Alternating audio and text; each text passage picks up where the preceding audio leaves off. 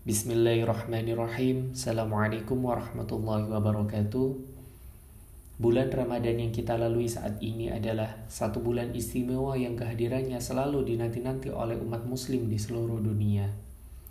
Keistimewaan bulan suci Ramadan tidak hanya karena amalan seorang muslim akan dilipat gandakan, namun juga sebagai bulan yang penuh ampunan dan memanjatkan doa-doa pada bulan ini akan mudah juga untuk dikabulkan oleh Allah Subhanahu wa taala. Selain mengisi ibadah puasa dengan ibadah lainnya, seperti halnya tadarus, sholat taraweh, bersedekah, dan amalan ibadah lainnya.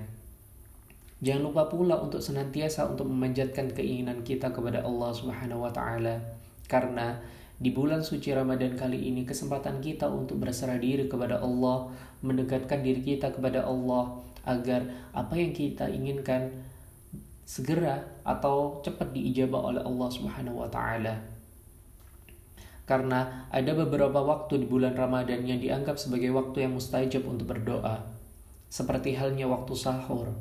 Rasulullah Wasallam bersabda, Allah turun ke langit dunia ketika tersisa sepertiga malam terakhir. Allah berfirman, siapa yang berdoa kepadaku, maka akan aku kabulkan doanya. Siapa yang meminta kepadaku, akan aku beri. Siapa yang meminta ampunan kepadaku, maka akan aku ampuni juga hadis riwayat Bukhari dan Muslim. Hadis ini udah jelas dijelas diterangkan bahwasanya kalau kita benar-benar tulus meminta kepada Allah, maka Allah akan mengabulkan doa-doa kita. Kalau kita sungguh-sungguh berdoa kepada Allah, maka Allah juga akan mengabulkan doa-doa kita.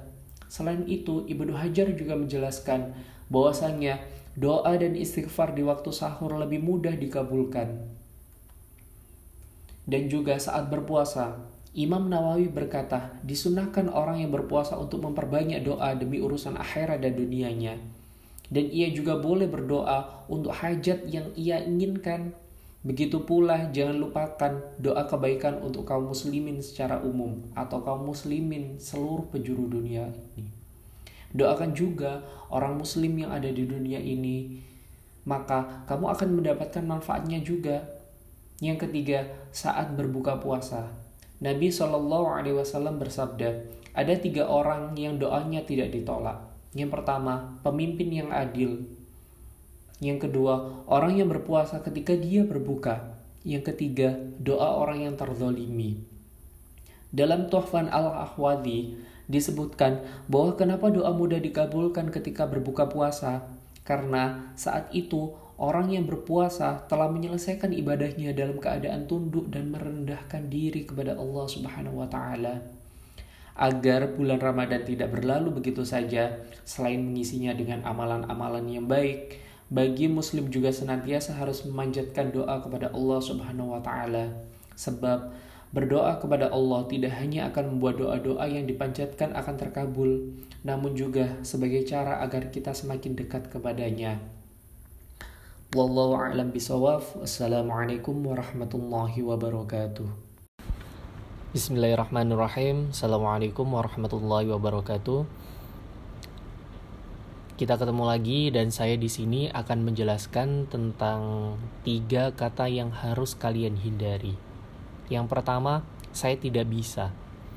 Ketika kalian berkata saya tidak bisa, maka pintu pikiran kita semua itu akan tertutup untuk mencari jalan dan mencoba segala sesuatu yang kita inginkan. Jika sebaliknya kalian berkata, "Saya bisa," ini akan membuat otak kita bekerja mencari jalan sampai kita tahu dan mengerti dan menjadi bisa. Jadi, apa yang menurut kita susah, kalau kita udah berkata, "Saya bisa," insya Allah akan dimudahkan dan pasti akan bisa karena kalian mau berusaha untuk mencari jalan supaya uh, apa yang kalian apa yang kalian inginkan itu menjadi bisa. Yang kedua, tidak mungkin, impossible. Orang-orang yang sering berkata tidak mungkin akan menutup kemungkinan berbagai pintu keajaiban itu ya nggak mungkin, nggak mungkin akan kebuka. Dengan sikap seperti ini merasa akan sulit untuk meraih sesuatu yang hebat karena hampir segala sesuatu yang kita nikmati hari ini adalah sesuatu yang mustahil dari yang kemarin. Selalu ada kemudahan, keberkahan, dan kelapangan dari Allah setiap harinya bagi orang-orang yang bertakwa. Jadi gak ada yang gak mungkin kalau urusannya sama Allah. Kalau kita mau berusaha, kalau kita mau berdoa, insya Allah segala urusan yang tidak mungkin pasti akan menjadi mungkin. Karena sekali Allah bilang kun fayakun, semua akan jadi mungkin, pasti akan terjadi. Yang ketiga, saya sudah tahu. I know. Setiap kali Anda mengucapkan bahwasanya saya sudah tahu.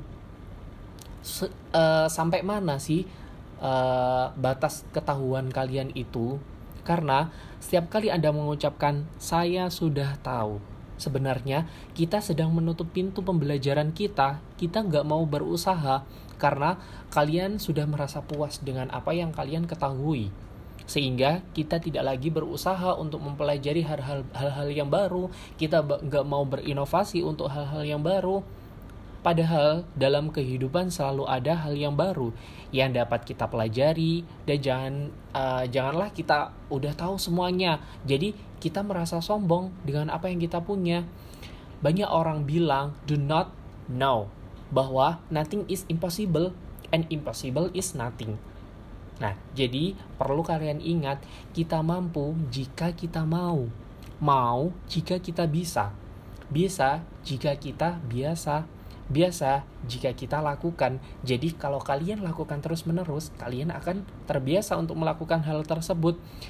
Jadi kalau kalian untuk berinovasi terus, kalian setiap hari berinovasi itu akan menjadi hal yang biasa menurut kalian dan kalian pasti akan bisa meskipun sesuatu itu terasa sulit, kalian gak bisa melakukan. Kalau kalian mau berusaha dan yakin bisa, punya kemauan yang keras, insya Allah pasti bisa. Jadi lakukan yang seharusnya kita lakukan. Maka Allah akan memberikan kepada kita apa yang seharusnya kita terima.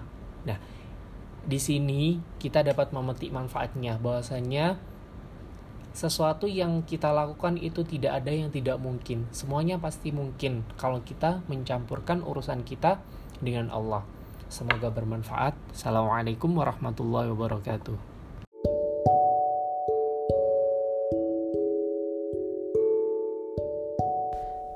Bismillahirrahmanirrahim. Assalamualaikum warahmatullahi wabarakatuh. Bercermin diri.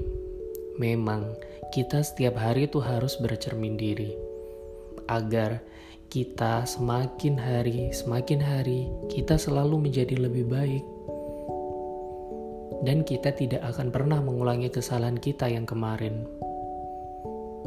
Tatkala aku datangi sebuah cermin Tampak sesosok yang sangat lama ku kenal dan sangat sering kulihat. Namunnya aneh, sesungguhnya aku belum mengenal siapa yang kulihat. Tatkala ku tatap wajah, hatiku bertanya, apakah wajah ini yang akan kelak bercahaya, bersinar, indah di surga sana? Ataukah wajah ini yang kelak akan hangus legam di neraka jahanam? Tatkala ku tatap mata, Nanar hatiku bertanya, mata inikah yang akan menatap penuh kelezatan dan keriduan nanti? Menatap Allah, menatap Rasulullah, menatap kekasih-kekasih Allah kelak. Ataukah mata ini yang terbeliak, melotot, menganga, terbuai menatap neraka jahanam? Thumma na'udzubillah. Akankah mata penuh maksiat ini akan menyelamatkan? Wahai mata, apa gerangan yang kau tatap selama ini? Tatkala ku tatap mulut, apakah mulut ini yang kelak akan mendesah penuh kerinduan? Mengucap la ilaha illallah saat malaikat maut mendatang, mau menjemput kita? Ataukah menjadi mulut menganga dengan lidah menjulur, dengan lengking jeritan pilu yang akan mencopot sendi-sendi setiap pendengaran. Ataukah mulut ini menjadi pemakan buah zakum jahanam yang getir penghangus, penghancur setiap usus? Apakah gerangan yang engkau ucapkan wahai mulut yang malang? Berapa banyak dusta yang engkau ucapkan? Berapa banyak hati-hati yang remuk dengan pisau kata-katamu? Yang mengiris tajam, Berapa banyak kata-kata manis-manis madu yang palsu yang engkau ucapkan untuk menipu. Betapa jarang engkau jujur. Betapa langkahnya, betapa langkahnya engkau syahdu. Memohon agar Tuhan mengampunimu. Tatkala ku tatap tubuhku, apakah tubuh ini kelak yang akan penuh cahaya, bersinar, bersuka cita, bercengkrama di surga? Atau tubuh ini yang akan bercabik-cabik, hancur, mendidih di dalam lahar membahara jahanam. Terpasung tanpa ampun, derita yang tak pernah berakhir. Wahai tubuh, berapa banyak maksiat yang engkau lakukan? Berapa banyak orang-orang yang engkau zalimi dengan tubuhmu? Berapa banyak hamba-hamba Allah yang lemah yang engkau tindas dengan kekuatanmu? Berapa banyak perindu pertolongan yang engkau acuhkan tanpa peduli, padahal engkau mampu. Berapa banyak hak-hak yang engkau rampas ketika ku tatap hai tubuh seperti apa gerangan isi hatimu. Apakah isi hatimu sebagus kata-katamu? Assalamualaikum warahmatullahi wabarakatuh. Bismillahirrahmanirrahim Assalamualaikum warahmatullahi wabarakatuh Ramuan khusus lelaki dewasa Sudah tahukah kaum lelaki bahwa Rasulullah Shallallahu Alaihi Wasallam tidak pernah meninggalkan sholat berjamaah sejak sholat diwajibkan malam Isra Mi'raj hingga sholat terakhir dalam hidup beliau. Tahukah kaum lelaki bahwa banyak di antara para ulama yang seumur hidupnya tidak pernah sholat fardu sendirian dan selalu berjamaah sampai akhir hayat mereka. Tahukah kaum lelaki bahwa di antara mereka itu ada yang rela walaupun harus membayar orang demi menemani sholat berjamaah saja? Tahukah kaum lelaki bahwa ada sebagian ulama yang pernah sampai menangis selama 40 hari karena merasa rugi yang amat mendalam sebab ia tertinggal satu sholat fardu berjamaah saja.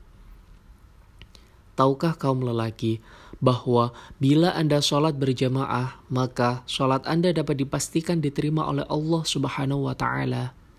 Tahukah kaum lelaki bahwa khusus untuk sholat Isya dan sholat berjamaah, sholat Isya dan sholat subuh berjamaah berpahala seperti sholat setengah malam dan semalam suntuk.